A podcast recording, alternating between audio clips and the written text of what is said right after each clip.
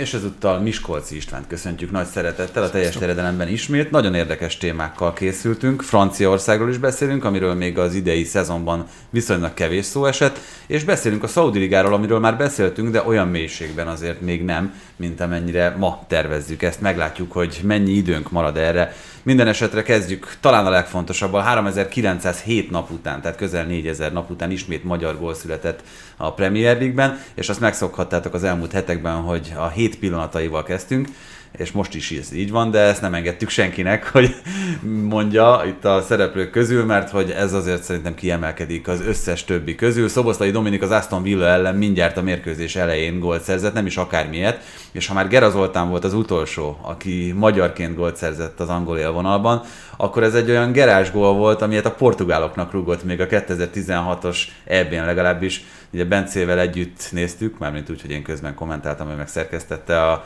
Crystal Palace Wolverhampton mérkőzést, és mind a kettőnknek ez ugrott be elsőre nektek. Hát nekem csak az, hogy végre megvan, mert hogy azért már érett a korábbi meccseken is ugye nagyon jó teljesítményt nyújtott, mindenki dicsérte, és hát várható volt, hogy előbb-utóbb megjön az az első gól is, ráadásul elég látványos lett, úgyhogy abszolút elégedettek lehetünk. Igen. Igen, és én is, bocsánat, én is ezt választottam volna nyilván a hét momentumának, hogyha nem ez lett volna a legegyértelműbb mindenki számára. Így van. Ezt mindenki szépen kikerülte, de majd itt szerintem még nagyon sok érdekességet gyűjtöttünk vissza. Amit mondtál István, ugye te elég gyakran írsz a büntető.com-on különböző olyan feltörekvő tehetségekről, akik radar alatt vannak, azért Dominikról ez már kevésbé elmondható, és itt, amit te is mondtál, ez időkérdése volt, nem? Tehát, hogy nem nagyon hihetett senki, vagy nem nagyon kellett amiatt senkinek aggódnia, hogy ez nem következik be valamikor a közeljövőben. Mindig ott glosszál a 16-os előtt, amikor szögletek vannak, és ugye ezt várjuk, mint ahogy Geránál a pont a Liverpool ellen még West Brom játékosként, hogy egyszer pattanjon oda hozzá, és akkor biztos, hogy lő egy óriási gólt. Most ez megtörtént ballal ráadásul, de tudod, ez amit a, az angolok clean strike-nak hívnak, és, és itt magyarul is lehet azt mondani, hogy ez egy nagyon tisztán eltalált labda, amikor így a fű alatt suhan, és, és látod, hogy ha ott nem lesz az útjában védő, akkor ez egy gyönyörű gól, és ez tényleg az volt. Igen, tehát 2012. december 22 után ekkor volt eredményes Gera Zoltán a Norics ellen, Szoboszlai Dominik betalált ismét magyarként a Premier League-ben, és hát akkor jöjjön a további olyan momentumoknak a felsorolása, amik másoknál a hét pillanatai voltak. Elsőként nézzük, hogy Haraszti Ádámnál mi volt az.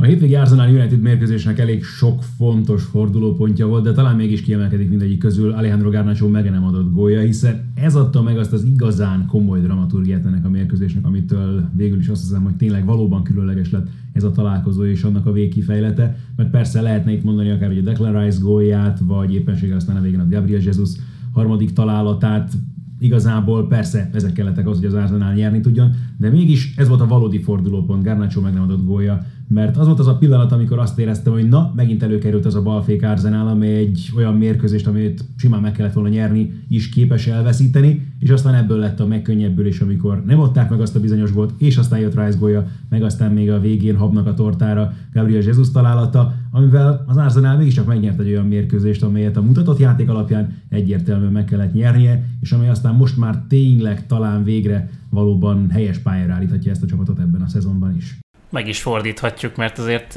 a United szempontjából pedig amilyen nagyok voltak a várakozások, annyira borzasztóan tényleg ilyen sártengerszerűen ömlik rájuk a kaki.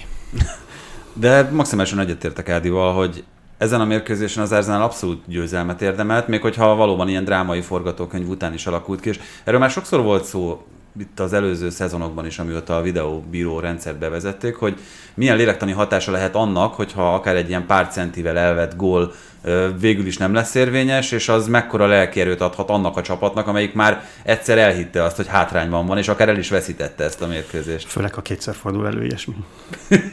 Igen, mert hogy nálam a hét pillanata az egyértelműen Gendúzi beállása a Lációba, De azzal kapcsolatban azért szerintem sokakban fogalmazottak meg kétségek, hogy Genduzi majd mennyire válik be, hiszen azért voltak különböző fegyelmezési problémái korábban az Arsenalnál, aztán a Marseille-ben szerintem sikerült már magára találnia.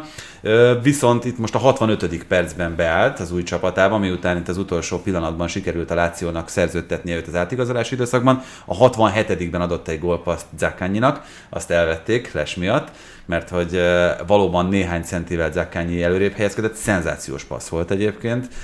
A második gólját, vagy a második ilyen gól, az pedig a 70. percben született, azt ő maga szerezte, egy kipattanó lövésből, aminél nem is ő volt lesen, de mind a kettő gólt érvénytelenítették. Hát ettől függetlenül elég impresszívre sikeredett Gendúzi bemutatkozása Lációnál.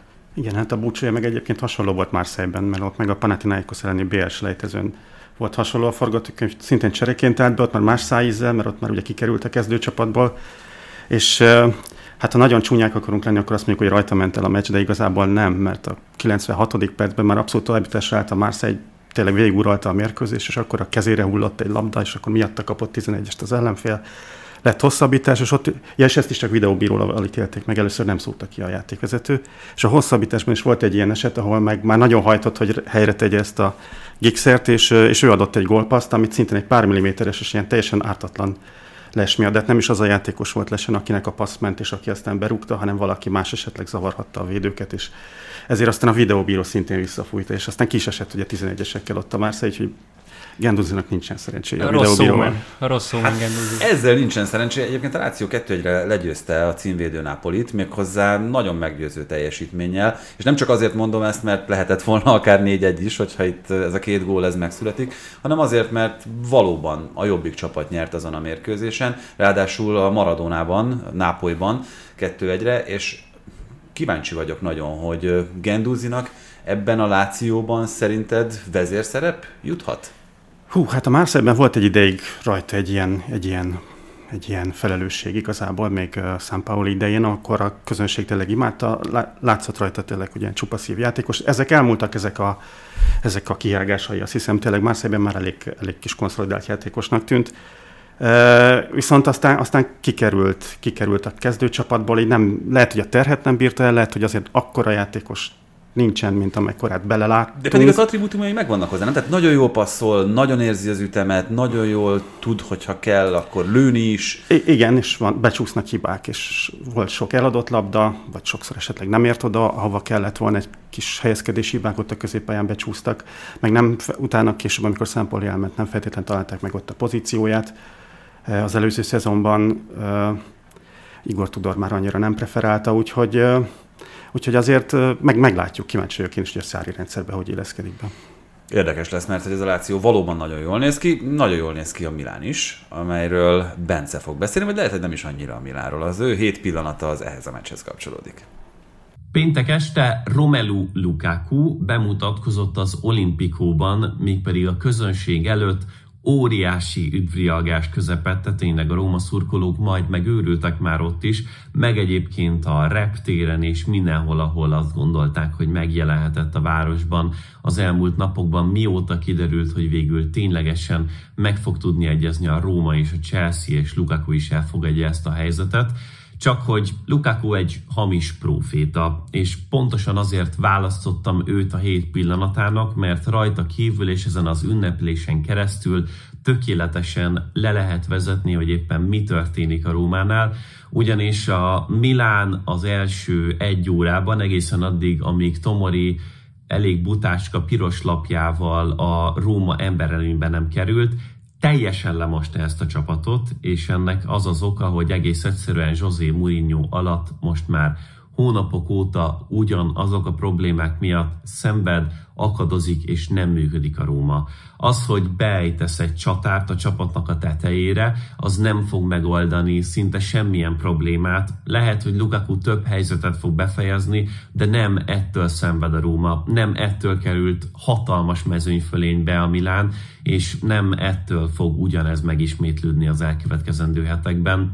Ezért hívom én őt hamis profétának, mert a Róma szurkolók Mourinho szavai és Mourinho kijelentései alapján elhiszik, hogy majd Lukaku megérkezésétől valami változni fog, pedig az az igazság, hogy összességében pontosan ugyanúgy fog maradni minden.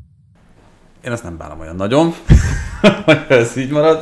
Hát főleg úgy nem, hogy egyébként semmi köze nem volt ehhez a mérkőzéshez a Tomori kiállításig a Rómának, és valóban ezt be kell, hogy valljam, azzal együtt, hogy én nagyon nagy tisztelője vagyok, voltam José mourinho nem feltétlenül látom, hogy ez a Róma ez pontosan hova tart, meg hogy Lukaku valóban megmentő lehet-e.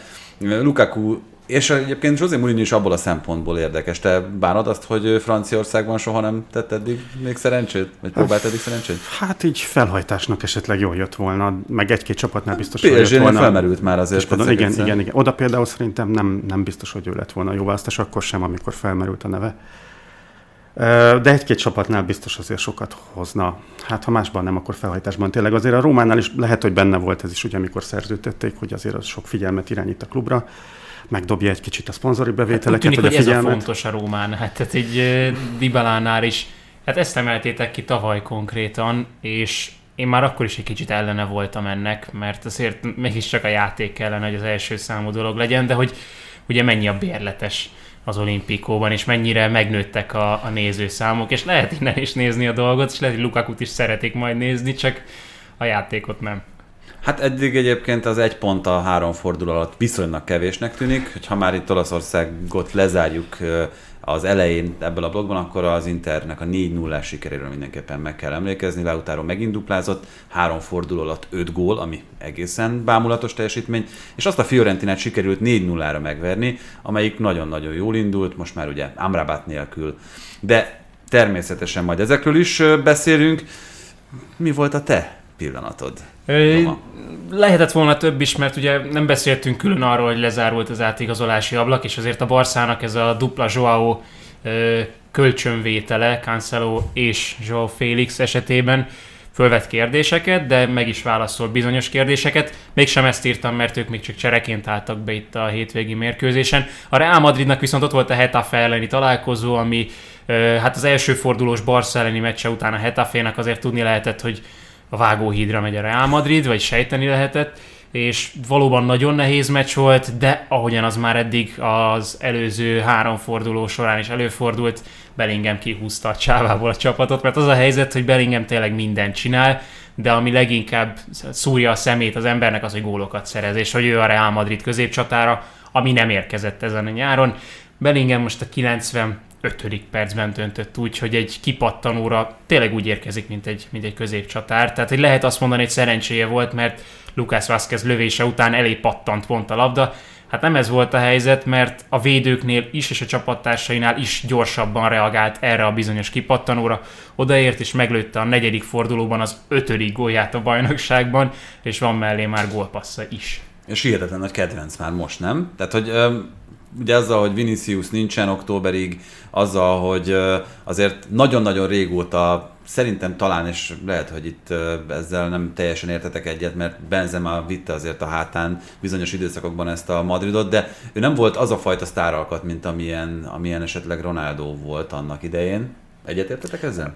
Vagy más hát meg neki, más igen, fajta azért lehet, hogy nem Madridban, de voltak botrányai is, megosztó személyiség volt, és nem az a játékos, aki kimegy a meccs után, és ott marad egy órát ünnepelni a szurkolókkal. Ez is egy fontos tényező, bocsánat, hogy ugye három forduló alatt nem játszott még otthon a Real Madrid, most ez volt az első hazai meccs, azok után, hogy még nincsen kész a Bernabeu, de már nagyon jól haladnak a munkálatok. A spanyol futball történetében először volt fedett pályán a meccs, és most megint több mint 65 ezeren voltak, tehát azért így más volt a hangulat, hogy hazai pályán lőhette el ugyanazt a gólörömöt Bellingham, amit eddig idegenben sikerült, és ott kevésbé örültek neki a szurkolók. De akkor azért egyetértesz, hogy Bellingham lehet a, a következő nagy király a Bernabeu-ban. Hát már most az úgy tűnik. Igen.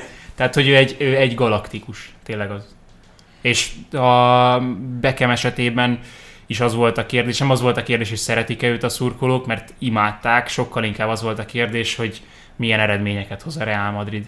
És itt is ez a helyzet, hogy jó, Bellingham azért eredményesebb, mint Beckham, teljesen más típusú játékos, mint Beckham, meg ő nem úgy szupersztár, mint Beckham, de, de hogyha még eredmények is társulnak amellé, hogy, hogy hogyan játszik, akkor, akkor tényleg fölé nőhet. Hát meg lényegesen fiatalabb, mint Beckham, mert Beckham azért gyakorlatilag egy felépített sztárként érkezett annak idején Spanyolországba. Bellinghamről ugyanez azért nem mondható el. Még annak ellenére sem, hogy fiatalkor ellenére jó néhány játékperc van a lábában. És István, Melyik a te pillanatod a hétvégéről? Én a francia kötődés kapcsán választottam már egy pillanatot, ugyanis a Le Havre megszerezte első győzelmét a francia bajnokságban, az élvonalban, és Loic Nég volt az egyik fontos gólpaszt, úgyhogy egy másik francia vagy magyar válogatottat is szeretnék kiemelni. Ő most ugye az egyetlen magyar válogatott vagy magyar játékos, aki, aki szerepel a francia élvonalban. És hát több szempontból is érdekes lehet ez, lehet egy kicsit beszélni a Le Havre-ról például, ami egy nagyon érdekes klub, ők ugye hát a legrégebbi francia klubnak tartják magukat, néhányan vitatják, de ő szerintük még 1870-es években alapították ezt a, ezt a klubot, és nagyon érdekesek például a klubszínek, ilyen égszínkék, tengerkék színekben pompáznak, Elég régi klub, de hát olyan nagy sikerei sose voltak, most pedig rendesen már 15 éve voltak a másodosztályban, tehát nagyon régóta szerettek volna visszatérni, van egy amerikai tulajdonosuk, 8 éve. Előállva, is... melyik a legnagyobb rivális csapata? A Caen. Ők most másodosztályok, az a nagy normandiai derbi, igen. Hát azt most az élvonalban lehet, hogy egyébként jövőre lesz, mert hogy a Kan jól áll a másodosztályban, meg egy erős csapatnak számít, és ha Lőr esetleg bemarad, akkor, akkor akár az élvonalban is lehet újra normandiai derbi. De azt még szerettem volna azért róluk megemlíteni, hogy a másodosztályban is neveltek olyan játékosokat, mint Riyad Mahrez például, aki onnan indult, vagy Paul Dimitri Payet, még Mandanda is ott játszott, vagy védett valaha. Úgyhogy, úgyhogy azért egy fontos egyesülete a francia futballnak, és, és most egy magyar válogatott játékos is fontos játékos, aki, nem teljesen a megszokott poszton, egy 4-2-3-1-ben ott a jobb szélen eléggé feltolva játszik. Egyébként nyilván ott is sok védekező munkával. Hát négy meccsből háromszor kezdett, tehát hogy igen, mondhatjuk, hogy alapvetően. Az, hogy nem tudom pontosan, ezt nem néztem meg, de ő már idős azért, Négó 32, 30... igen, igen. Hát már nem. 32, azt hittem még idősebb, bocsánat, nem, akkor az nem. Kis játékosként. És fontos játékos egyébként ennek a csapatnak. Ez a második gólpassza volt, majd legutóbb a Renn ellen szereztek egy fontos pontot, szintén ott is adott egy nagyon, előkészített egy nagyon fontos találatot. A már Normandia. Az Bretány, igen, Bretány, de, igen. de a szomszédban igen, van, hát igen, ez, igen. igen. Tehát ugye gyakorlatilag, ha már nyugat Franciaországról beszélünk. Ha már Franciaország. Ha már Franciaországról, ha már Franciaországról beszélünk, tökéletes az átkötés, akkor beszéljünk természetesen a Ligönről, ahogyan azt ígértük itt ebben a mai adásban, és ha Ligönről beszélünk, akkor értelemszerűen kikerülhetetlen a Paris Saint-Germain, mint a Ligön az utóbbi években egyeduralkodója, ahol nagyon-nagyon komoly folyamatok. Szabad megállni egy pillanatra tényleg, hogy beszélhetünk természetesen a Paris Saint-Germainről, hiszen kikerülhetetlen, és a francia klubokról, de szeret szeretnék, vagy szerettem volna egy kicsit beszélni a francia futballról magáról, hogy hova helyezzük el most a francia ligát. Na. Hát a válogatott miatt azt hiszem megkerülhetetlen tényleg a francia futball, hiszen azt láttuk Jaj, a, a nyári költésekből induljunk. Akkor spanyolok azok. Nem, de hogy, hogy kíváncsi vagyok tényleg, hogy ti, akik mondjuk sokat foglalkoztok a világ futballjának krémjével, de a francia ligával nem különösebben, ti hova, hova teszitek a francia bajnokságot így kívülállóként? Például a top 4-hez képest, ami most nyilván azért elég tisztán elkülönül, mennyire érzitek messzinek, távolinak, vagy hova érzitek a többiek? Én pont ezért a, a nyári költések alapján a játékosoknak a minőség, hogy ki tudnak igazolni akár szériából, akár a La Ligából, milyen konstrukcióval, mennyi embert adnak el, mennyit szereznek. Nem érzem azt, hogy olyan nagyon sokkal le lenne maradva a ligön, és ugye főleg a PSG miatt láthatjuk azt a médiában, meg hallhatjuk, hogy top 5 bajnokságról beszélnek, de, de tényleg, hogyha valóban a futballt nézzük, akkor szerintem azért nagyjából mm, irányba tesznek minket, iránymutatóak a koeficiensek, ami alapján... Ami alapján egyébként most egy kicsit visszacsúsztak. Visszaesett. Igen. Az mondjuk ilyen átmeneti állapotnak tűnik, ugye, mert itt a selejtezők, a hollandok előzték meg őket, akik a, a konferencialigában szereztek nagyon sok koeficienst az utóbbi években, és most a selejtezőkön játszottak például a hollandok 16 mérkőzést, mert olyan rendszerben vannak, a franciák meg négyet, és akkor így nyilván a Jó, akkor ezt vissza is vonom. Sokkal többet. Mégse a koeficiens nézzük. És most van egy, van egy elég vaskos különbség egyelőre most a hollandok javára, ami évközben persze még változhat, mert most viszont a franciáknak lesz egy picit több mérkőzésük hátra. De például ez ez szerintem elég érdekes téma, hogy, hogy vajon tényleg ötödike még a francia? Szerintem vagy a... igen, kettő, kettős érzéseim vannak ezzel kapcsolatban. Egyrészt ugye a koeficiens kapcsán, hogyha azt az állapotot nézzük, amikor még nem kezdődtek el a selejtező sorozatok itt a klubcsapatok számára, akkor, hogyha jól emlékszem, körülbelül ilyen 20 pontos lemaradásban volt az első négy ligához képest a, a francia, ami csak azért, hogy nagyjából ezt kontextusba helyezzük, ilyen 10-15 pont az előnye jelen pillanatban az angolnak a többivel szemben, úgyhogy ez nem olyan nagyon nagy különbség. Viszont ugye van kettő dolog, az egyik ez a tehetségek ligája, ami szerintem egy tökéletesen beteljesített küldetés itt a francia futball részéről, tehát emiatt nagyon is megéri figyelni arra, ami Franciaországban zajlik. A másik, az pedig egy ilyen kicsit személyes benyomás annak kapcsán, hogy a Paris Saint-Germain elmúlt években felépített imidzse, az hogyan hat mondjuk a fiatalokra, és én ezt a, a fiamon keresztül, akinek sok futballkedvelő van az osztályában, ő maga is az, hogy jön le, hogy a Paris Saint-Germain abszolút ott van a között a három-négy klub között, amit a, a mai fiatal tizenévesek a kedvencek közé sorolnak. Nyilván Neymar, Mbappé hatása, Messi hatása az előző évben, az nagyon sokat nyomott alatban, de pont ezért mondjuk az olasz bajnokságból nagyon-nagyon kevesen választanak most már, de még a Bayern sem nagyon hallom, hogy, hogy kedvenc uh-huh. csapatának választják a fiatalok, miközben a Paris Saint-Germain sokkal, hogy ilyen szóval legyek, fenszibb, mint a többi. Tehát, uh-huh. hogy megvan ez a kettősség, de pont emiatt, hogy a tehetségek onnan kerülnek ki igen nagy számban, azért, mert ott játszik a Paris Saint-Germain, figyelmen kívül hagyni semmiképpen nem lehet és szabad.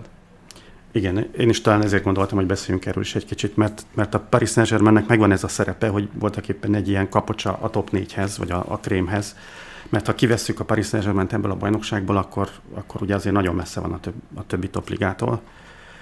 E, és hogy, hogy van egy ilyen, egy ilyen feladata is a Paris Saint-Germainnek, hogy így, hogy így felzárkóztassa a ligát a, a legnagyobbakhoz, és Azért fontos aláhúzni, mert amikor a Paris Saint-Germain sztárokat igazol, akkor, és tényleg nem feltétlen sport szakmai szempontokból, akkor annak megvan az oka. De hát az nem feltétlen csak hülyeség az ő részükről, és nem feltétlen csak a katari, nem tudom, hatalomépítési vágynak a, a megnyilvánulása, hanem, hanem annak vannak racionális okai is, hogy valahogy be kell vonzani a figyelmet, be kell vonzani a fiatalokat, illetve hát a globális közönséget, mert az európai fociban, vagy az európai közönség nagy része mondjuk régebb óta követi a futballt, és megvannak akár az olasz-német kedvencei, de, de mondjuk most már ugye egyre nagyobb mértékben számít a globális közönség Ázsiában, Afrikában, Amerikában, és azokat is be kell vonzani, és azokat, ha megnyírja a francia bajnokságot a Paris Saint-Germain, torony magasan, az, azzal nem fogja bevonzani a közönséget. Ha Angliában a Manchester City megnyeri az angol bajnokságot, akkor ott van a címlapokon mindenütt.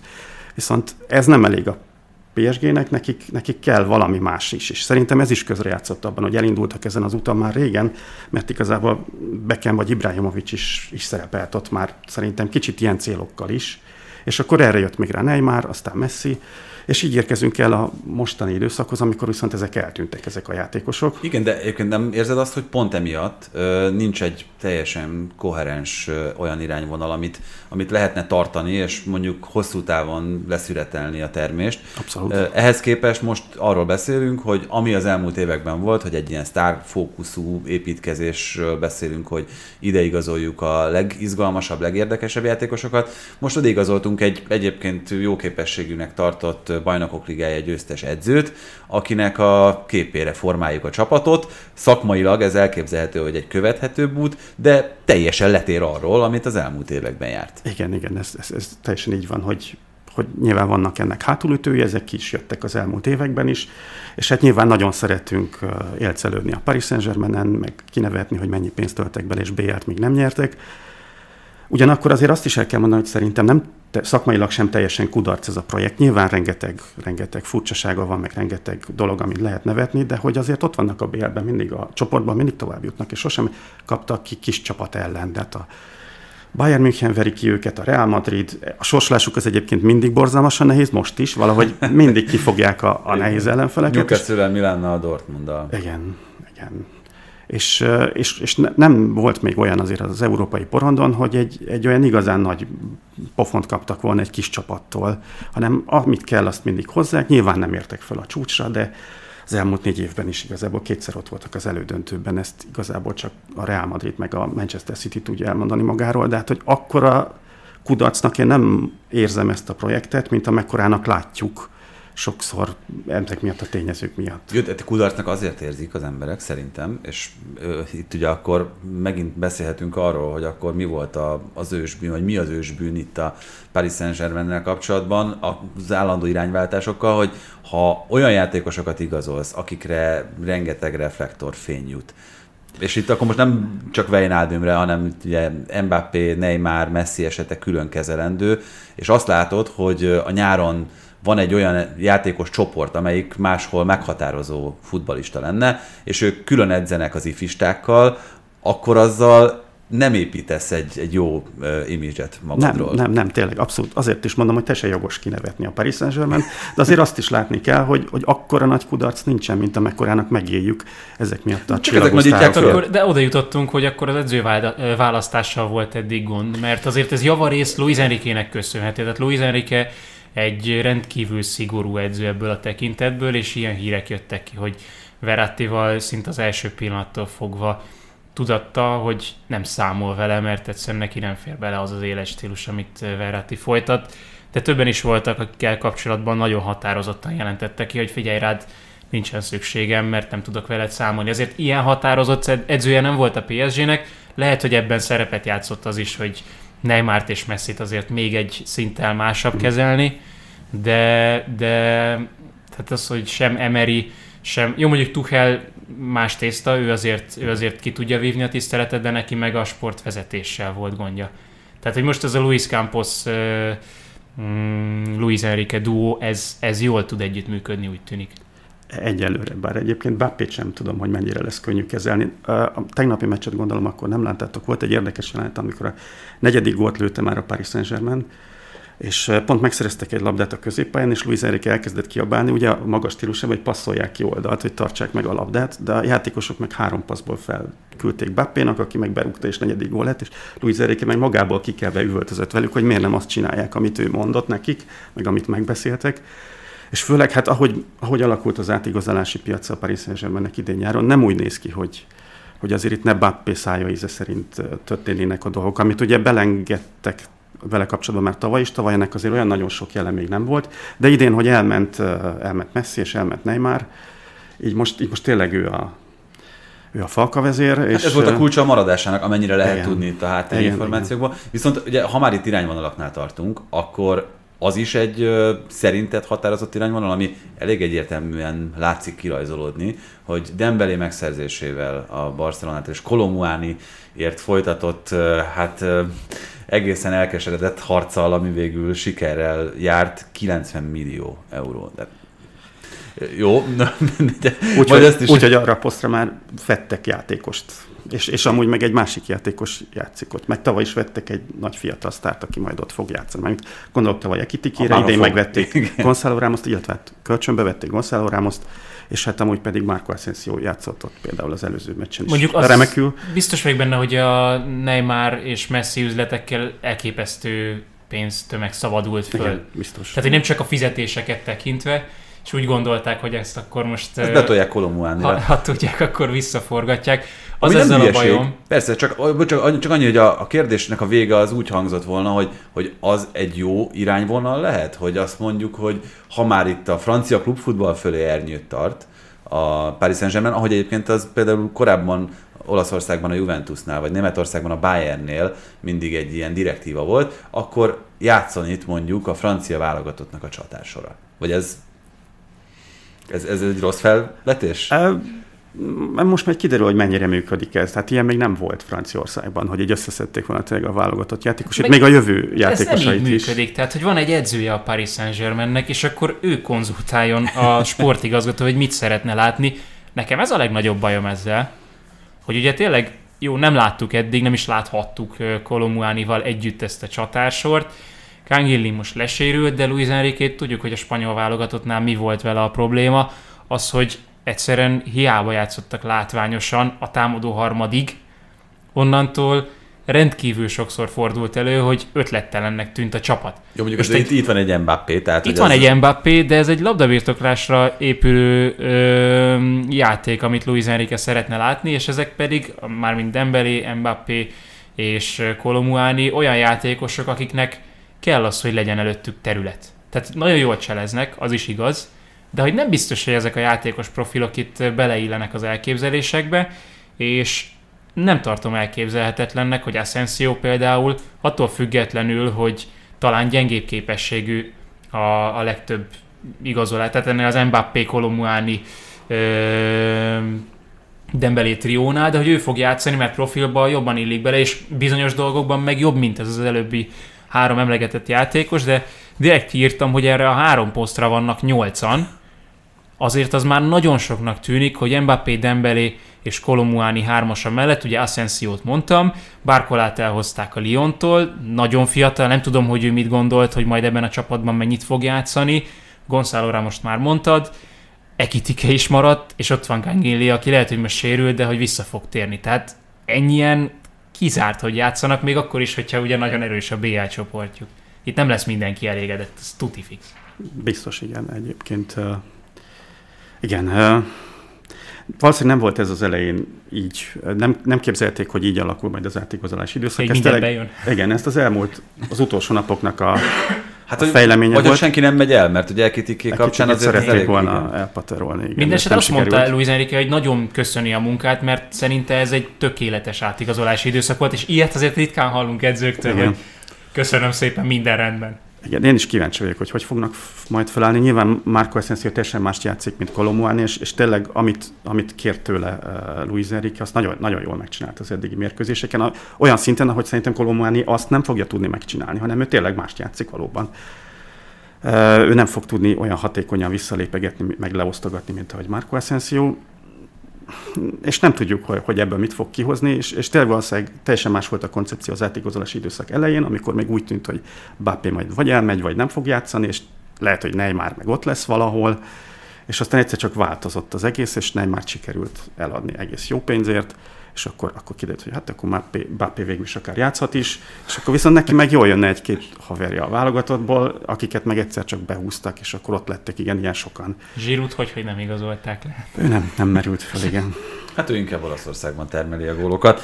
Na de, hogyha már itt a tegnapi meccs szóba került, a Lyon elleni, még nézegettem itt reggel a híreket, Blanc helyén van még? Hát még nem, vagy nem, nem, nem láttam hírt, hogy elbocsátották volna. Most ugye jön egy válogatott szünet, egy kicsit át lehet gondolni a dolgokat. Hát a Lyon, beszéljünk a Lyonról, térjünk beszéljünk át arra? a Lyonról. Mert az nagyon csúnyán néz ki a Lyon, ami most ott történik igazából az utóbbi években, de hát ami az utóbbi hetekben, hónapokban, az pedig rendkívül kellemetlen, még kívülállóként is. Na azt egy kicsit próbáld meg elmagyarázni, légy szíves nekünk. John Texter egy amerikai befektető vásárolta meg a Lyont a hosszú éveken keresztül működő Jean-Michel Olasztól, nem, és évek, évtizedek. Évtizedek, így, ugye, van, hát így a helyes, pontosan. Legenda ott. Legenda, és egyébként a francia futballnak is nyugodtan Igen. nevezhetjük legendájának. A női labdarúgás felvirágoztatásáért rengeteget tett, és tényleg egy műsort meg lehetne tölteni azzal, hogy Olásznak mit köszönhet a, a világfutball.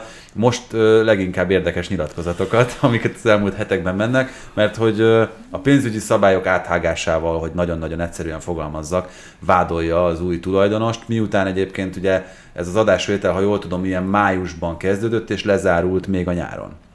Igen, meg hát igazából már tavaly is uh, többségi tulajdonosnak tekinthető volt Textor, csak még akkor elnökként maradt Olász, most már az sem. És igen, most elkezdődött egy ilyen visszaszólogatás, de ez valószínűleg onnan jön, hogy kiestek csontvázak a, a szekrényből, és, és így a felelősséget hárítja Olász Textorra. Tényleg Olasz egy legenda, amit Lyonban fölépített évtizedeken keresztül, ő csinált nem hogy bajnokcsapatot, ilyen hét, zsinórban hét bajnoki címet nyertek a 2000-es évek elején, ott voltak a BL-ben is sokszor a legjobbak között, de a semmiből. Tényleg Lyonban előtte nem volt futball. Ezt, amit ma a Lyonról gondolunk, azt mind Olasznak köszönhetjük. Viszont, viszont a vége az nem sikerült neki, ott bejött a, hát igazából a koronavírus járvány az, ami, ami oda tett nagyon sok francia csapatnak, ott ugye náluk nem folytatódott akkor a bajnokság, még tíz fordulóval a vége előtt abba maradt, azt nem folytatták, az is egy bevételkiesés volt, utána jött egy szezon, amikor Nézők nélkül játszottak, az is egy nagy bevételkiesés, ott náluk a tévés szerződés ugye bebukott, és hirtelen sokkal kevesebbet kaptak a klubok, mint amennyit. Közben meg a Lyon rosszul szerepelt, nem jutott ki, ugye most az elmúlt négy évből egyetlen egy Európa Liga szereplésük volt, most már a négy év alatt harmadszor nem jutottak ki nemzetközi porondra, ami szintén egy bevételkiesés, de ugye ezekkel a hetedik, nyolcadik helyekkel a hazai pénzekből is kevesebbet kapnak. Közben meg a, a koronavírus alatt volt ez a furcsa BL, amikor ilyen tömbösítve játszották a meccseket, ott meg ott voltak az elődöntőben, és így megnőtt az étvágy, felemelték a fizetési büdzsét, és egyszer csak eltűntek a bevételek, és ott maradt sok játékos. Elad, mindig eladnak nagy játékosokat, meg nagy tehetségeket, vannak ezek a bevételek, de ezek pont arra jók, hogy hogy csak mínusz 60, meg mínusz 100 milliók jöjjenek ki végén, és az nagyon sok, és ezek már egy pár éve így vannak, most már lejjebb vitték a fizetéseket, de már késő, és ezek most így igazából textor nyakába hullottak, és a, van Franciaországban egy ilyen pénzügyi felügyelő szervezet, ugye kicsit hasonló, mint az UEFA-nál, csak itt Franciaországban már sokkal régebb óta. Ez a négybetűs D-vel DNCG, igen, igen. DNCG, igen akik most hát gyakorlatilag azzal fenyegették meg a Lyont, hogyha nem csinál valamit, akkor a másodosztályba is visszasorolhatják akár őket, ami azért Franciaországban egyébként ez a szervezet tényleg nem felszokott lépni keményen. A Szosót sorolták vissza, ami szintén egy történelmi klub Franciaország most a másodosztályból, de több ilyen fellépése is volt már, de hát hogy ez nem, nem csak fenyegetés valószínűleg, és, és igen, el kellett adni. Tehát Barkolát is valószínűleg emiatt muszáj is volt eladni, pénzét tenni, meg több tehetséget az elmúlt években is. Bruno Gimares. Mondjuk ilyen szankciót, mint amit a Lyon kapott, nem nagyon hallottam máshol, hogy igazolhattok, de ha úgy van, ha úgy látjuk, akkor megvétózhatjuk. Tehát, hogy lehet, hogy, lehet, hogy sikeres lesz az igazolás, lehet, hogy nem, majd meglátjuk, és, hogy mi, mik a pénzügyi És vettek ugye egy hatalmas tehetséget, nem tudom, róla hallottatok-e hatalmas tehetség, mondom én persze, de talán tényleg az, a gánai csatát a Dán bajnokságból, akit már 19 évesen a Dán bajnokság legjobbjának választottak a tavasszal megvették Ernest Nuamachot elég sok pénzért, 25 millióért, amit a Lyon nem tudott volna kifizetni, és hát ez árulkodik tehát nagyon jó, hogy Textornak a másik klubja, az a belga bajnokság újonca, a Molenbeek, és a Molenbeek vette meg 25 millióért ezt a játékost, hogy rögtön kölcsön adja a Lyonnak, de hát messziről bűzlik, hogy ez egy, nyilván egy pénzügyi visszaélés, ugyanúgy, mint mondjuk a Juventusnál annak idején, meg a Napolinál is voltak ilyenek, meg sok más helyen, és hát azt is mutatja, hogy mennyire kínos helyzetben van a Lyon, hogy ilyeneket kell kihasználnia, hogy egy, egy, egy belga élvonalbeli újonc, ami nyilván egy tisztességes kis csapat, de hogy ő neki a kontójára szereznek be egy, egy új tehetséget, egy játékos, mert másképp nem tudnak Tök, hogy mondod ezeket a neveket, mert bocsánat, ez egy teljesen a témától távol eső dolog, de ez Szorsó kapcsán Klaus László jutott eszembe, a Molenbeek kapcsán meg Lőrinc Emil. Két Igen. korábbi magyar válogatott játékos játszott ezekben a klubokban. Tényleg Lőhávban meg egyébként volt Mésző Géza. Ja, annak így idején. Van. Így van. Voltak, igen, bocsánat, voltak, igen. Voltak az az a kötődés az... Igen, szóval volt, volt több magyar játékos is, igen. igen itt a kérdés szerintem ezzel kapcsolatban visszatérve a Lyonhoz az, hogy Textor, te mennyire látod elkötelezettnek az ügyben, hogy ő ezt mindenképpen valahogy visszafordítsa, megmentse, mert az a szócsata, ami zajlik közöttük Olásszal, az engem nem mindig arra enged következtetni, hogy, hogy ő ebben nagyon bele akar állni ebbe a klubmentés projektbe. Én, hát én azért azt látom például ezen a normál üzleten is, hogy kihasználta a másik klubját ennek az érdekében, hogy megszerezzen a Lyonba egy, egy tényleg ő egy, egy elég nagy tehetségnek tűnik, hát nyilván még nem tudjuk, mi lesz belőle, meglátjuk. Amiben benne lehet az is, csak bocsánat, hozzáteszem, hogy a Lyonból elképzelhető, hogy jobban lehet értékesíteni játékosokat, mint a Egyébként biztos, biztos ez is benne lehet, igen. Bár a belga bajnokság is nagyon ráállt most arra, hogy kinevel tehetségeket, és hát igen, a franciák most már a belgáktól vásárolnak föl, hogy aztán őtőlük meg felvásároljanak németek, angolok. Igen, Szóval nekem azért ez azt mutatja, hogy, hogy nem engedte el a Lyon, de most nagyon, helyzet, nagyon nehéz helyzetbe került, és ezektől az olasz beszólásoktól pedig még inkább. És a, a közönséget is olasz gyakorlatilag ellene hangolja. És akkor igen, onnan indultunk, hogy Laurent Blanc, ott meg szegény. Én, én kicsit sajnálom Laurent Blanc, be kell vallanom, mert hogy nem látom, hogy ővé lenne a legnagyobb felelősség. Próbálkozik nyilván, hát ő ennyit, ennyit tud hozzátenni a dologhoz meg hát ő egy ilyen karakter, ugye védőként is ő mindig a higgadságáról, meg a mindig elegáns védőnek hívták, emlékszem, amikor játszott egy ilyen elegáns volt, és hát edzőként is ő ugye áll a partvonal mellett, és próbál a magas stílusában rendet tenni, de, de valószínűleg oda ez, ez, most, ez most így kevés.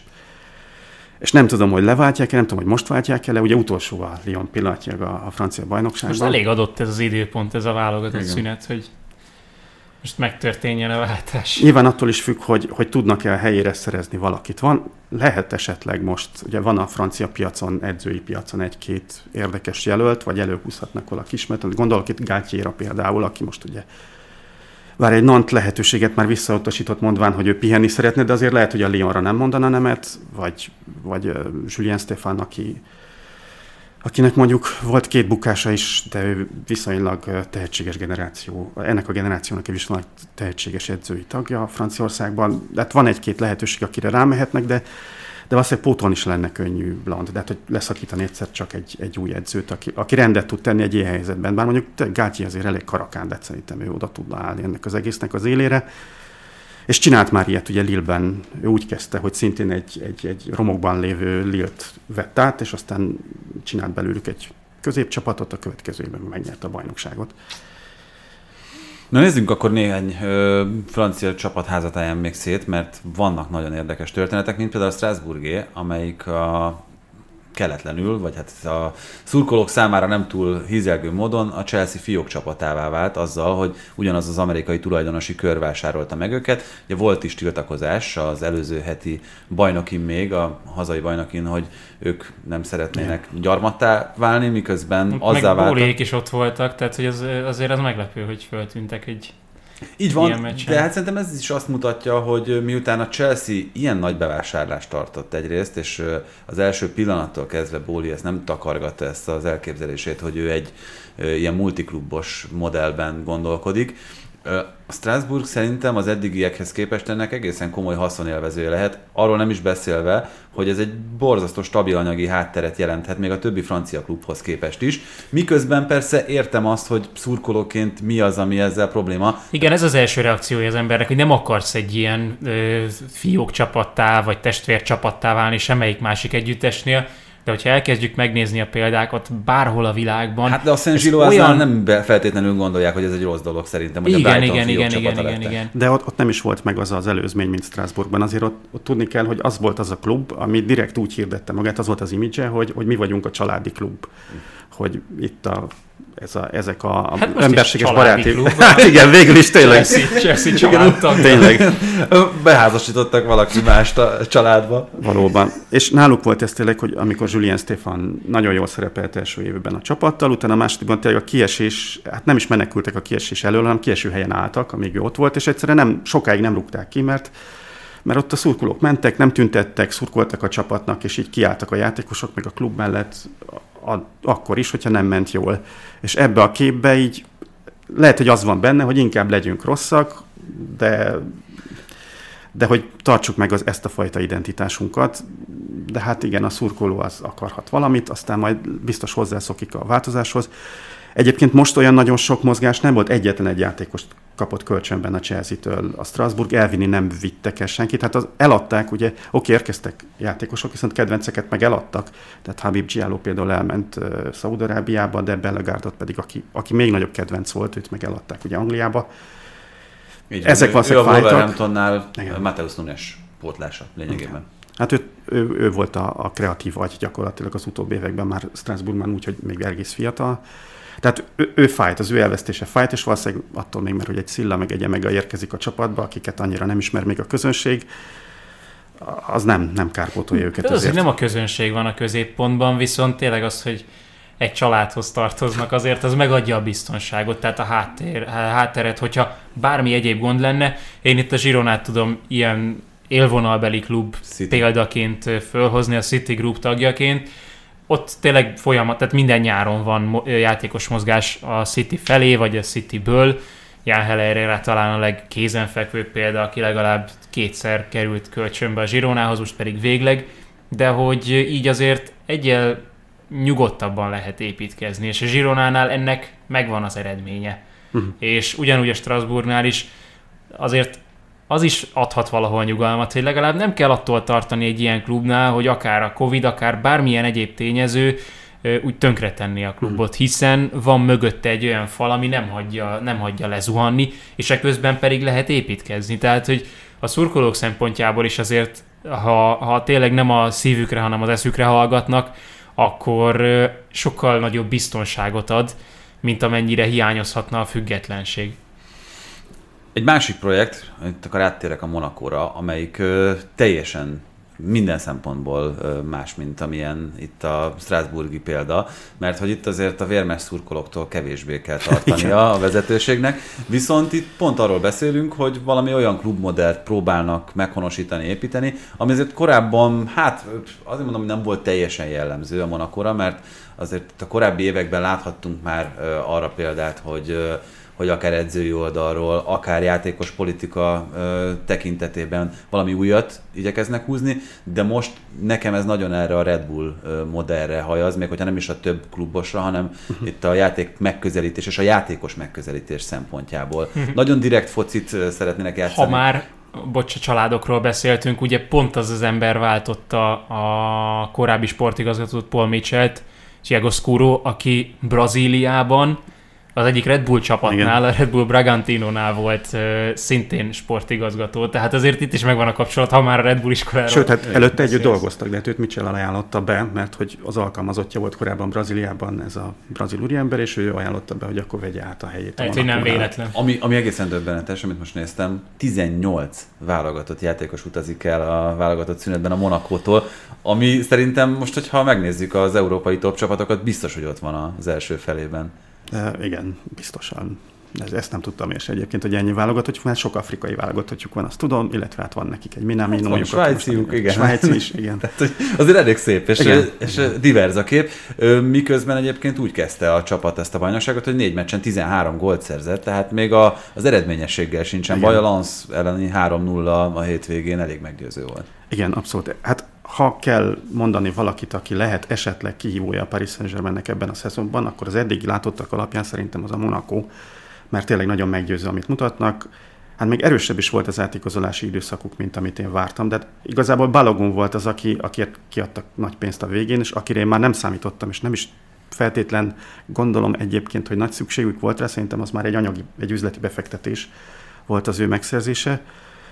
De előtt is rendkívül jól igazoltak, eleve jó, jó az alap, van egy jó alapcsapat, még ha el is, el is megint, meg nagyon jól tudnak eladni. Tehát azért Monakóban ez egy régi, régi recept, hogy szereznek játékosokat, nevelnek, nagyon jó akadémiájuk van, ugye hihetetlen tehetségeket nevelnek ki. Hát előbb-utóbb mondjuk a Strasbourgban kötnek ki, nem? Tehát Dizázi Badiási, hogyha a Chelsea-ben ja, nem lehet, válnak lehet, igen, igen. Őket ugye eladták, igen, eladták a, a Chelsea-nek mind a kettőjüket itt szép lassan, de hogy most előhúzták Magasszát ugye a, a kalapból egyszer csak egy 18, azt hiszem 18 éves védőt, aki az elmúlt meccseken hihetetlen jól szerepelt, és hát Adi Hütter megjött a maga kis taktikájával, hogy Ugye sérült, akit megszereztek Szaliszú, ő egyelőre sérült, Maripánnak is volt egy kisebb sérülés, akkor kiátszik középhátvédet, ez a 18 éves gyerek, betette Zakáriát, ugye, aki egy középpályás, fogta és betette középhátvédnek, illetve, illetve Szingót, aki szintén szerintem egy nagyon jó húzás, őt megszerzni a Torinóból 10 millió eurót nem áldozt, vagy nem sajnáltak Kicsit rá. ilyen szeviás ez a Monaco, nem? Tehát, hogy bátran nyúlnak azokhoz a játékosokhoz is, akik mondjuk ilyen feltörekvő tehetségek, és képesek kiadni értük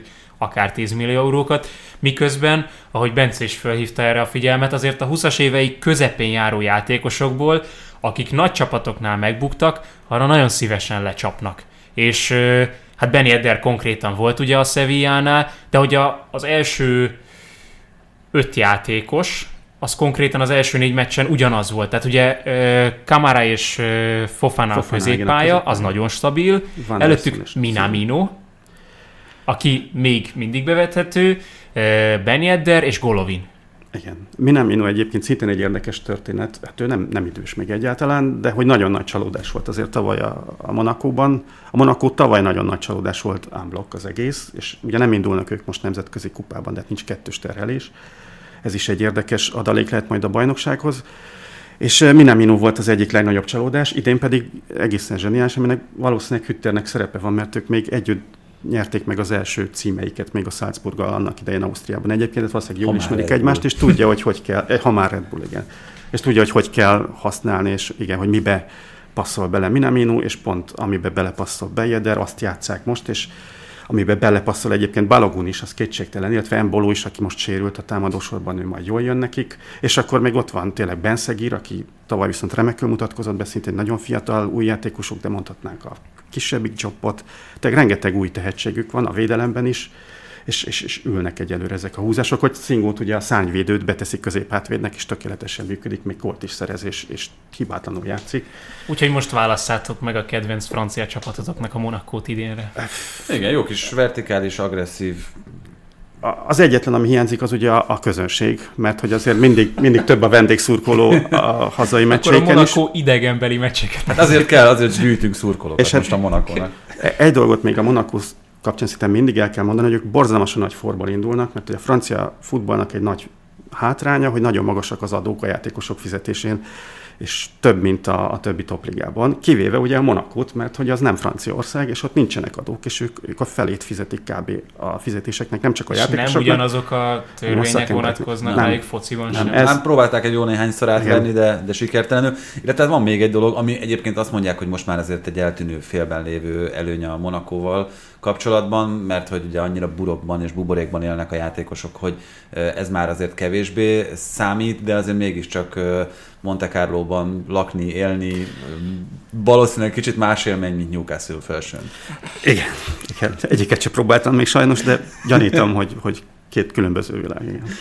No, még gyorsan, tényleg pár gondolat erejéig a Marseille, nekem ott azért a legérdekesebb nyilván NDIA leigazolása, aki a Premier League-et és a Sheffieldet utasított el. Egy borzasztó, érdekes élettörténetű fiatal játékosról van szó, aki ugye Marseille-ben született, nagyon ragaszkodik a városhoz, aztán Afrikába költözött a szüleivel, szenegáli játékosról van szó, utána Londonba az édesapjával, tehát na mindegy, szóval ennyi, hogyha valakit érdekel, akkor érdemes majd belinkelünk egy cikket, amin érdek, érdemes utána Egy olvasni. külön ilyen egyórás videót csinálunk NDI élettörténetéről. Van ugye ilyen kölyökkorából is egy videó, egy, oda van a Marseille és mondja, hogy megy most próbajátékra, azt hiszem, meg, meg hát- teljesen extázisban van, hogy ő a Marseillehez csatlakozik. Igen, ugye Marcelino lett az edző, és egyelőre azért nem ö, tűnik ez olyan meseszerűnek ez a visszatérés Marseille-be, NDI-től már csak egy családi tragédia miatt sem, mert az egyik mérkőzésen, vagy előtte? Előtte Hiszem, szerintem előtte. már tudtam. előtte tudta meg, hogy a nagymamája elhunyt,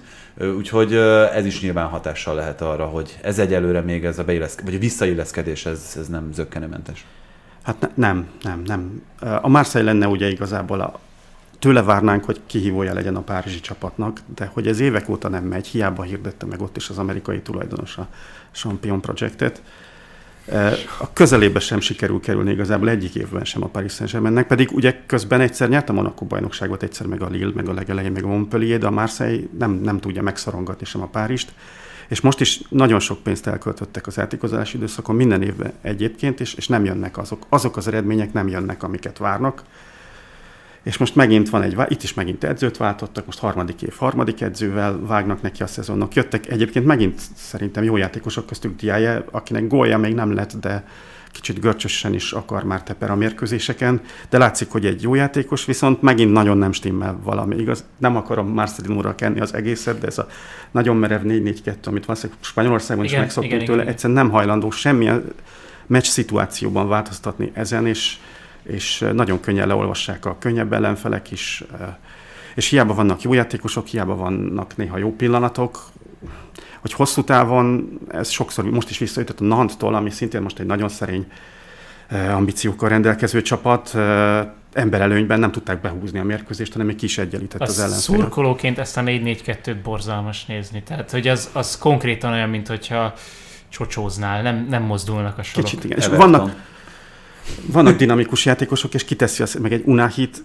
bocsánat, én nekem ugye közel áll a szívemhez, mint, mint afrikai játékos, aki a VB-n tényleg 8-asban akkorát tobbantott, hogy Lu- Luis Enrique ugye sokat dicsérte, amikor kiestek a marokkóiakkal szemben, és beteszi bal szélre, bal szélsőnek, és, és igen, van mondjuk Ismail Assar, aki a jobb szélen meg, meg robog föl le, de hát messze van a kapu, és a, a félterületeket meg nincsenek megoldva, hogy hogyan jutnak el oda a középső részekre, hogy azok jó helyzetek legyenek, ahol meg mondjuk Aubameyang van most, meg hát szóval nem tudom, nekem, nekem az is szanaszétnek tűnik most egy kicsit az a, az a csapat, és nem, nem látom, hogy hosszú távon sorozatban gyártsák legalább a francia bajnokságban a győzelmeket. Na és akkor még egy gondolat itt uh, Franciaországban, a Lansról, az előző szezon meglepetés csapatáról, amelyik hát hazardírozott akkor, amikor uh, Vahit le igazolta? Hát abból a szempontból nem, hogy Franciaországban azért őt úgy tartják nyilván, mint az egyik legnagyobb tehetségét. És még csak 20 Az éves. generációnak 20 éves. És Elie Vahi, így kell ejteni? Vahi. Vahi. Hát a Hát hát, azt hát, azt nem egy Vahi. Vahi. Vahi. Frank ez. Ezt viszont már Így van, igen, hogy ő- ő meg Frank az ez az edzője. edző. Kicsit igen, nyilván, de hát egy BL indulónak hazádíroznia kell, főleg ha közben meg elmegy egy Openda és egy Szeko Fofana, ráadásul nem, hogy Openda még hagyján, de hogy Fofana, aki ugye a, a, tényleg egy ikon lett Lancban, mert ugye az, az összes élvonalban és szezonban ő volt a csapat legjobbja és a, a húzó motorja. És ezeket a, ezeket a fontos játékosokat elvesztették, próbálták pótolni, vagy próbálják pótolni másokkal. Hát egyelőre ugye a Lyon az utolsó, és a Lens az utolsó előtti a bajnokságban, nekik legalább az a, mentségük megvan, hogy nagyon nehéz ellenfelekkel játszottak itt az elején. Viszont négy meccsen 10 gólt kaptak, és ugye tavaly úgy lettek egy ponttal másodikak a PSG mögött, hogy övék volt a legkevesebb kapott gól, tehát 29 kapott gól az nagyon-nagyon kevés, 15 clean sheet mellé. Szerintem ennek, főleg, hogy ott nem voltak nagy változások a védelemben, azért nem szabadna így lennie. Mondom még egyszer, négy meccsen már 10 gól, tavaly összesen 29. Igen, hát az ellenfelek a Paris Saint-Germain volt, ugye ahol talán kettőt kaptak, a Monaco, ahol kaptak most egy hármast, de le, hát benne volt esetleg, hogy kicsúszik egy ilyen csúnya, és a Ren, ami meg egy olyan csapat, ami, ami a leg, az egyik legtámadóbb Franciaországban. Uh-huh. Tehát, hogy ott is benne volt, és akkor volt még ráadásul hármat kaptak a Bresttől, egy olyan meccsen szerintem nagyon árulkodó, kiállították az egyik játékosokat, Adrien Tomassont, és így kaptak ki, de nagyon árulkodó, hogy nem tiltották el Tomassont egyetlen meccsre sem. De hát a VAR, sőt, először azt hiszem sárgát adott a játékvezető, és a VAR hívta ki, hogy lehet, hogy ez piros, akkor kiállította, mondjuk erre most nem emlékszem tisztán, hogy a VAR is benne volt-e, de az biztos, hogy a várral is ellenőrizték, ugye, hogy ez egy jogos piros lape, és utána meg nem tiltották el, mert hogy azért az egy nagyon furcsa kiállítás volt, és így kaptak Mégsem. ki. Nagyon jó volt ez a kis francia kitekintő, de most még messzebbre tekintünk, Szaudarábiába, eh, ahol most már elkezdődött a liga, és eh, ugye őszi tavaszi pontvadászat van ott is, mint ahogy a nagy európai eh, bajnokságokban. Most már. Most már, most álltak át. Nézzük az alapinformációkat, és azért is gondoltuk, hogy ezzel kapcsolatban téged kérdezünk, mert hát egyrészt foglalkozol is valamilyen szinten a Saudi Ligával, hiszen írtál róla például pont a büntető.com-ra egy ilyen nagyon-nagyon terjedelmes és olvasmányos beharangozót, ami számomra is rengeteg információt Hát az, az legyen a kiindulási alap mindenkinek, aki itt a Saudi bajnoksággal kapcsolatban informálódni szeretne. Tehát, hogy... Neked az volt? Miután István elküldtem, mert vitáztunk egy jó Twitteren Gabri Vega átigazolásánál, és aztán beszélgettünk is külön, és akkor elküldtem, mert akkor írtad szerintem most, Igen. amikor elrajtott. Előtte még egyébként egészen sok információt lehet most már Wikipédián is megtalálni, akár magyarul, ez nagyon meglepett, de, de még... Te vagy az István? Nem, nem Wikipédia nem. Szerkesztetted. Nem, tényleg egész, egész sok infó van magyarul is, de hát főleg angolul az, az már egészen sok minden elérhető. Na szóval azért is gondoltuk emellett, hogy tudsz is sok mindent, de gondolsz is sok mindent erről a Saudi Ligáról, ami nem feltétlenül egyezik azzal, mint ami a legtöbb európai, magyarországi szurkolónak a morális ítélete, ezt jól fogalmaztam meg, ugye? Igen, igen, talán, talán igen.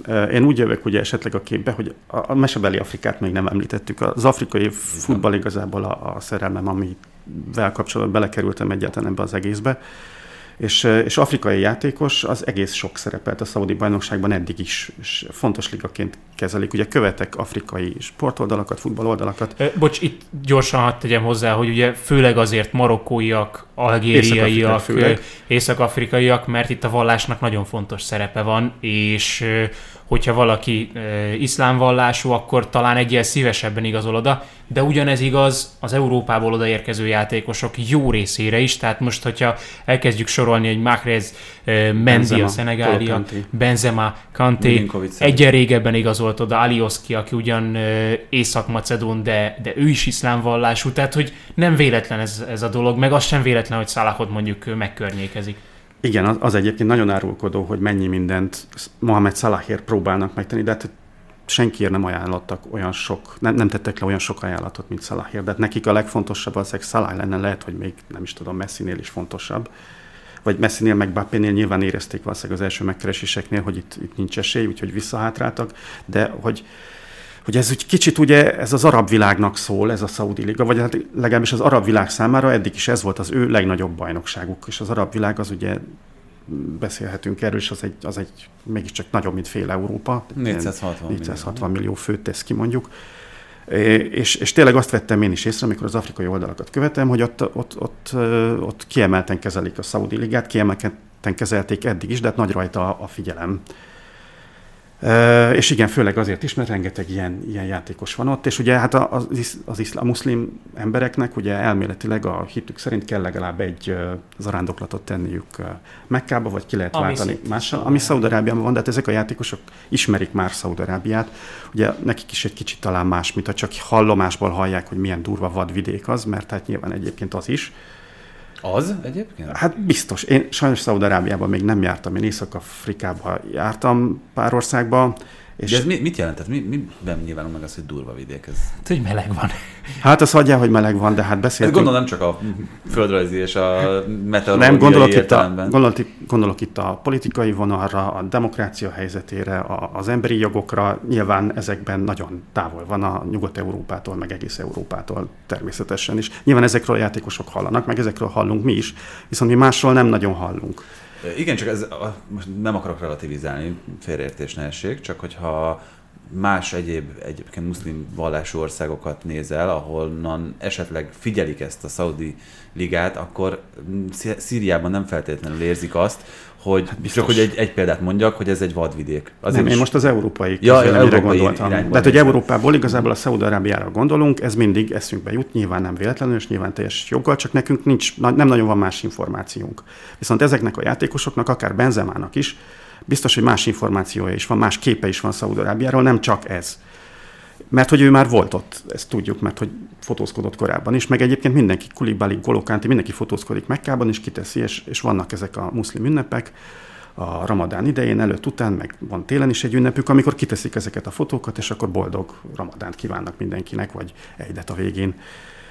De hát, hogy ő, ő nekik van egy más képük is Szaudarábiáról, mint ahogy mi, mi nekünk, és mi nyilván azért is tartjuk de hát csak a sötét oldal jut igazából eszünkbe Szaudarábiáról, csak azt az oldalát látjuk, ők meg látnak egy, egy kicsit mást is, ezt, ezt akartam csak kihámozni ebből az egészből. Úgyhogy ezért lehet, hogy könnyebben igazol tényleg egy muszlim játékos Szaudarábiában, mint egy mint Gabri Vega, de valahogy ő is ott kötött ki aztán mégis, amit tényleg engem is meglepette. Ha már belementünk itt a játékosokba, akkor mennyire kell komolyan venni Cristiano Ronaldo-nak azt a nyilatkozatát, miszerint ő nyitotta ki a kaput a többi európai sztár számára? Most ezt teljesen komolyan kérdezem. Igen, e, ez is szerint... Hát, Siátva nevetsz. Tehát ez... Nem ő nyitott ki, a szabályváltozások nyitották, vagy nem szabályváltozások, hanem a PIF-nek a szerepvállalása. Igen, igen, de szerintem azért valami van benne. De hát lehet, hogyha Cristiano Ronaldo nem megy oda, és akkor most is megtörténik ott, ez a, ez a izé. Tehát, hogy szerintem ez... mértékben? Akkor is rábólint egy-két persze. játékos.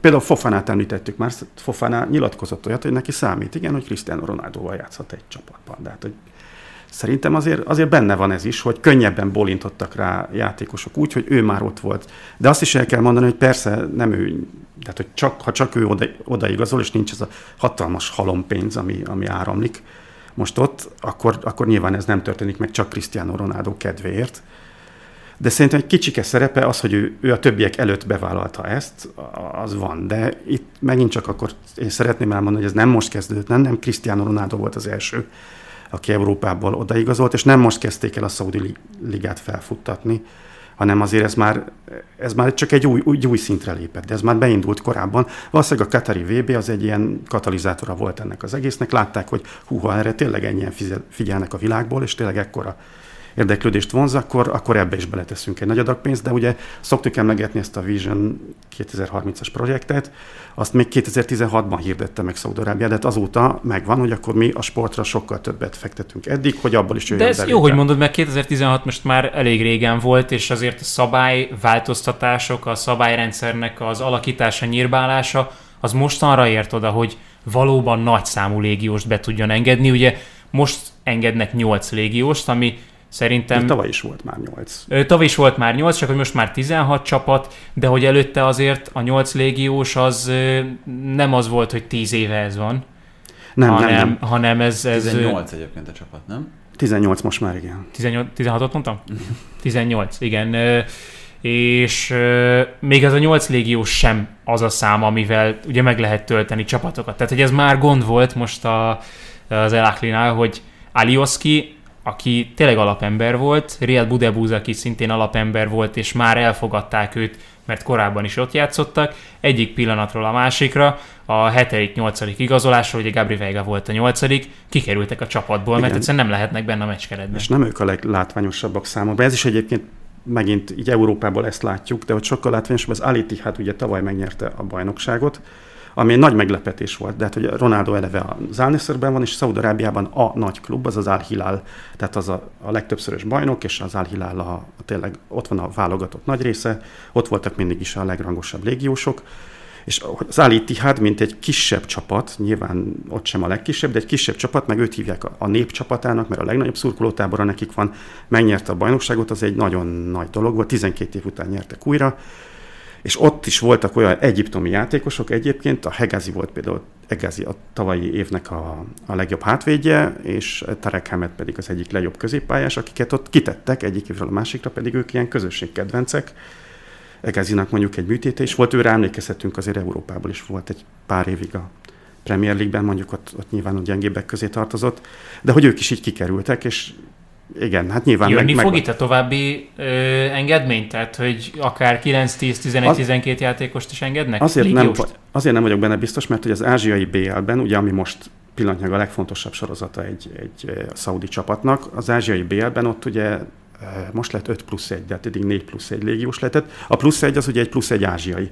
De hát az ázsiai BL-ben 5 játszhat ebben a 8 sztárból, aki most ezeknél a És a többinek hazainak kell lennie. Tehát, hogy a többinek igen, pedig szaudinak. Igen. Úgyhogy ez, hát, hogy, ez egy nagyon fontos. És ez, ez nem újdonság, de tavaly is így volt, hogy 8 légiós volt Szaudarábiában, de az ázsiai BL-ben meg kevesebb. És ez, ehhez a szaudiak hozzá vannak szokva, és így lőtték be ezt a, ezt a számot, hogy viszont a saját ligánkat meg fel akarjuk úgy turbózni, hogy nagyobb figyelem irányuljon rá, ezért olyan sztárokat hozunk nagyobb számban, hogy oké, okay, ők a BL-ben, az ázsiai BL-ben egyelőre nem szerepelhetnek, de hogy ez még így is megéri. Mit szólnának hozzá a szurkolók, hogyha az ázsiai BL-ből európai BL lenne? Ezt őszintén szóval én teljesen komolytalannak tartom. Én nem hiszem, hogy ez, ez komolyan felmerült bárkiben. Hát az európai BL-lel a szaudiaknak az a baja, hogy ugye pénzügyi szabályozások vannak. Igen, akkor az FFP-be bele kellene valahogy passzintani. Hogyan tudnál 300 vagy 200 millió dolláros éves fizetéseket belepasszintani a Financial Fair play ami így, ami így mondjuk racionálisabb cél lehet hosszú távon, az ez a Klub VB, amit a FIFA nyomat már egy ideje, és egyébként arra ugye még a szaudiak mellett más fontos piaci tényezők is rábólintanának, de hát az amerikának például nagyon jön, és az első klub VB-t, amit majd ugye 32 csapattal rendeznek, azt majd az USA rendezi szintén. De nyilván az a távol-keleti országok is, akik, akik azért komoly tőkét jelentenek, de hát meg komoly szurkolói bázist elképet. Nem is tudjuk, hogy mekkorát. Persze, persze. Az nagyon fontos lenne, és, és ezeket így szeretnék majd propagálni. De hát első körben valószínűleg a, az ázsiai BL, aki a, a kitűzött cél ezeknek a szaudi csapatoknak, és utána meg valószínűleg a Klub VB, ez az európai BL-t, ezt elhiszem, hogy felmerült beszélgetéseken, de... Gondolkodtam rajta, hogy hogyan lehetne ezt megvalósítani, hogy a Saudi bajnokság első helyezettje jön az európai BL-be, a második, harmadik, negyedik megy az ázsiai BL-be, tehát és, és akkor az Európa Ligában. És akkor rá nem vonatkozik a pénzügyi fair play. Nem, ez, ez, szerintem is egyébként vicces. Itt felírtam öt pontot a mozgatórugók rovatba, és Szerintem kettőt nem nagyon kell különösebben tárgyalni, mert azt, hogy a gazdaságot hogyan akarják sokszínűsíteni, diversifikálni, ez ugye sok más egyéb szektorban is látszik, tehát hogy a mesterséges intelligencia fejlesztésben is jelen pillanatban Szaudarábia az első, nagyon sok olyan projektben vesznek részt, ami mondjuk elüt a fosszilis energiahordozókból nyerhető haszontól. Arról Tehát... nem is beszélve, hogy ezeknek a cégeknek, amiket ezekre létrehoznak, egy nagyon jó része a fociban is felelhető. Tehát, hogy a főszponzor az például egy egy építőipari cég a Saudi Ligánál. Így van, és egyébként a focira is lehetne itt arról is hosszan beszélni, hogy hogyan hat az, hogy az egészségügyi szektort azt hogyan próbálják modernizálni, illetve a világ legjobbjává tenni, akár itt a sportorvoslás tekintetében, és a legjobb sebészeket oda csábítani, akik egyébként foglalkozhatnak azokkal a sztárokkal, akik lehet, hogy már itt pályafutásuk végéhez közeledve komoly vonzerőt láthatnak abban, hogy ilyen ellátást kaphatnak.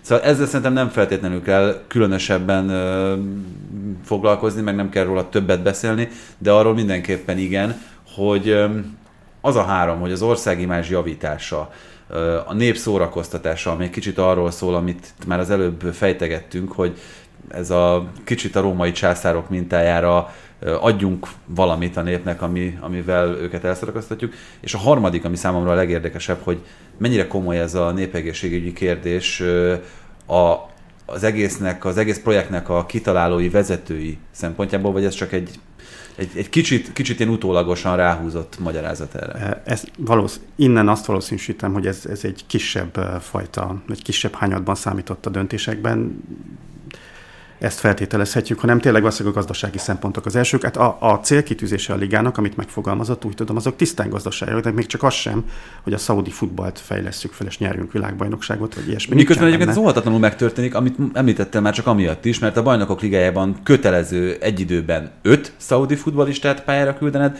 amitől, hogyha Ronaldóval passzolgatnék naphosszat, valószínűleg nekem is fejlődne a passztechnikám, bármennyire is nehezen elképzelhető ez, de, de hogy, hogy ez is így van, és egyébként a Saudi Ligában is ott van az, hogy három játékosnak egyszerre a pályán kell lennie. Tehát nemrég rendeztek a szériában olyan Milán Torino mérkőzést, amikor egyetlen egy olasz futbalista nem volt a pályán. Igen, meg hát a Premier League-ben is azért most már elég gyakran előfordul, hogy nincsen három angol egy-egy csapatban, sőt van olyan, hogy nulla.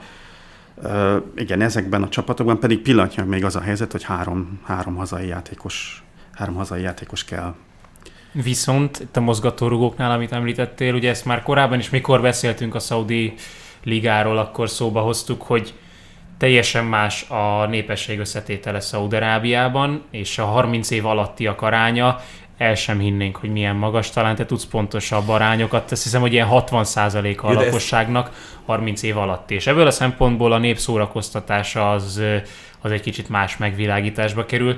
Nem hiszem, hogy azért az lett volna a motiváció mögötte, hogy a fiatalokat szórakoztassuk, de, de ez egy ilyen kellemeset a hasznossal. Tehát, de ezt hogy... nem fogom föl, tehát a, a 60% fölötti 30 éven aluliak arány. Tehát, hogy ez, ez nem vagyok demográfus, de hát ez, e, ezzel kapcsolatban szerintem csak egy olyan társadalom lehet ennyire fiatal, ahol háború Ne, nem tudom, sajnos ez nem tudok hozzászólni. Nem tudom a, a, az átlag életkort, a megélt átlag életkort. Sem lehet, hogy ott alacsonyabb. Ugye az hát, a igen, időjárási körülmények azok, azok, azok azért nagyon mások ott, mint nálunk. Biztos több a, a szívinfarktus egy ilyen, egy ilyen kánikulai területeken. De hát most olyan területre tévedünk, amiről csak ez, igazából csak fogalmam sincs. Inkább az arányok miatt vagyok nagyon Szerintem meglepven. az is közrejátszik, most megint csak én is ugyanezt tudom elmondani, mint te is, hogy nem értek hozzá, de hogy nagyon-nagyon sok bevándorló van azért Szaudarábiába. Tehát itt a gazdasági helyzetet kihasználva és nekik is kell az, hogy, hogy a, a tudás import az működjön. Na még egyetlen egy kérdést próbáljunk megfejteni, nem biztos, hogy sikerülni fog. Mi lesz ennek a közép- és hosszú távú hatása, akár az európai, akár a világfutball térképére nézve. Nyilván itt azt már most látjuk, hogy van egy felhajtó ereje a fizetéseket, az átigazolási díjakat illetően. Igen, ez, ez biztos lehet, de hát ez egy folyamat.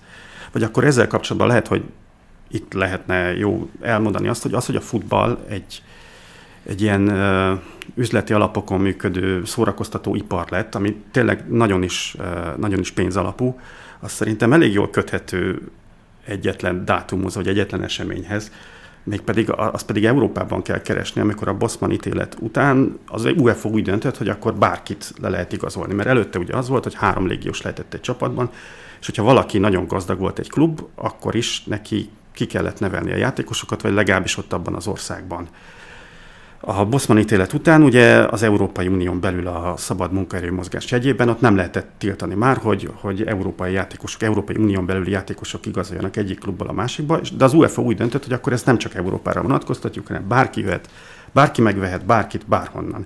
És ez volt az a pont, így a 90-es évek közepétől, végétől, ahonnan e- ez történik.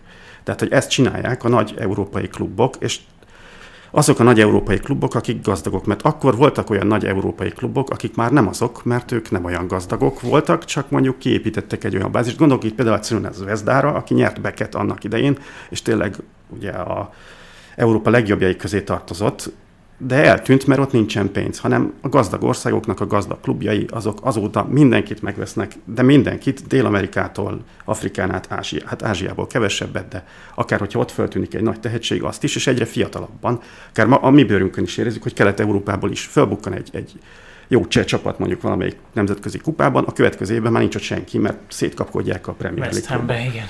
Igen, tehát hogy ez így működik, és, és innen nézve, de hát hogy Dél-Amerikából nézve mondjuk, Európa ugyanazt csinál ja már évtizedek óta, amit most a szaudiak esetleg elkezdenek.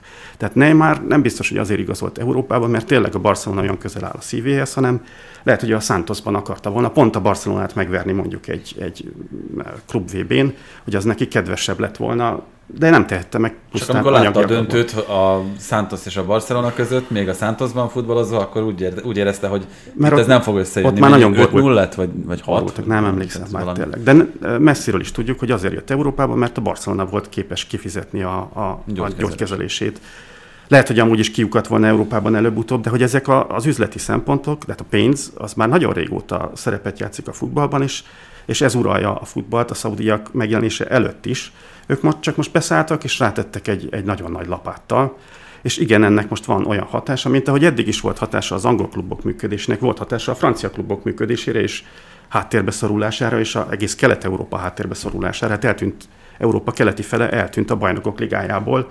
Ugye idén a 32-es föltáblán három csapat van Európa keleti feléből, ami alatt úgy értem, hogy akár a Galatasaray-t ide számolva, de hát tényleg Európa keleti fele. Lipcsét már nem. A Lipcsét már nem, mert mondjuk ők németek, és, és ilyen soha nem volt korábban, hogy három, a 32 között három klub, és ezt meg a pont a, a nyugat-európai kluboknak ugyanaz ilyen, ilyen gazdasági alapokon való működése érte el. És igen, ez most gyűrűzik tovább, most beszállnak Európán kívüli, megpróbálnak beszállni Európán kívüli pénzes országok is, és, és igen, ennek is megvan a hatása, de én nem szeretem, amikor úgy csinálunk, mint hogyha ez eddig nem így ment volna, csak most jött egy még gazdagabb, aki, aki, aki meg akarja szerezni a tortából a maga kis szeletét, és egyébként a célkitűzések, amik vannak, de hát amiket én hallottam, az, az, hogy top 10. Tehát a top 5-öt még csak meg se fogalmazzák, legalábbis rövid távú célkitűzésnek nem.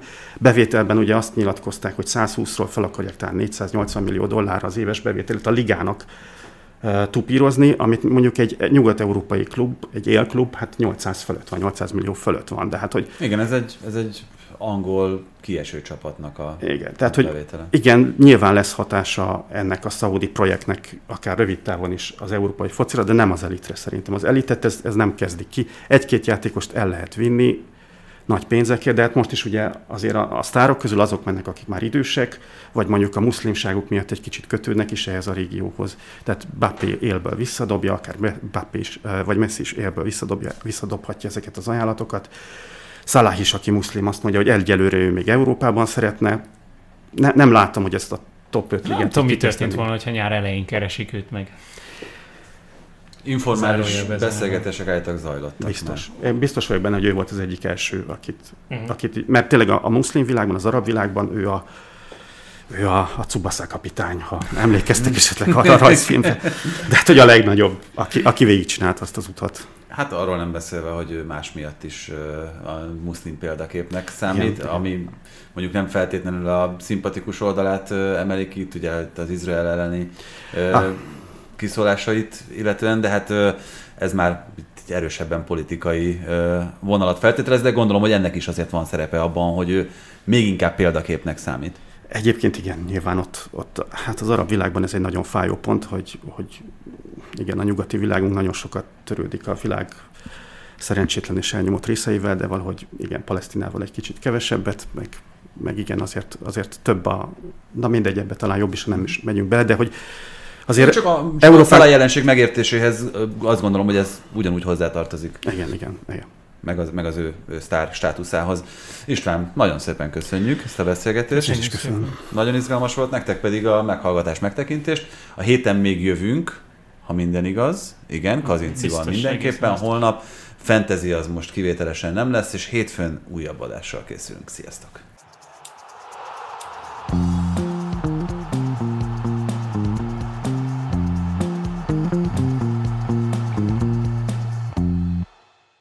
Ha más podcastekre is kíváncsi vagy, hallgassd meg a Béton műsor ajánlóját. El tudod képzelni, hogy a podcastet, amit éppen most hallgattál, fél év múlva már a mesterséges intelligencia generálja? Mi sem. De ha érdekel, eljötte már a gépek lázadása. Hallgass bele az Embertelen podcastbe. Orsós Lajos vagyok, a műsor házigazdája. Egyelőre még élőben. Egyelőre. Fedezzük fel együtt, hogyan ismerkedik, randizik, mesél és vitatkozik Betty és Péter, két teljesen mesterséges intelligencia. Lajos, a podcast címét mond még egyszer, Léci. Oké. Okay. Embertelen podcast. Ez a műsor a Béton közösség tagja.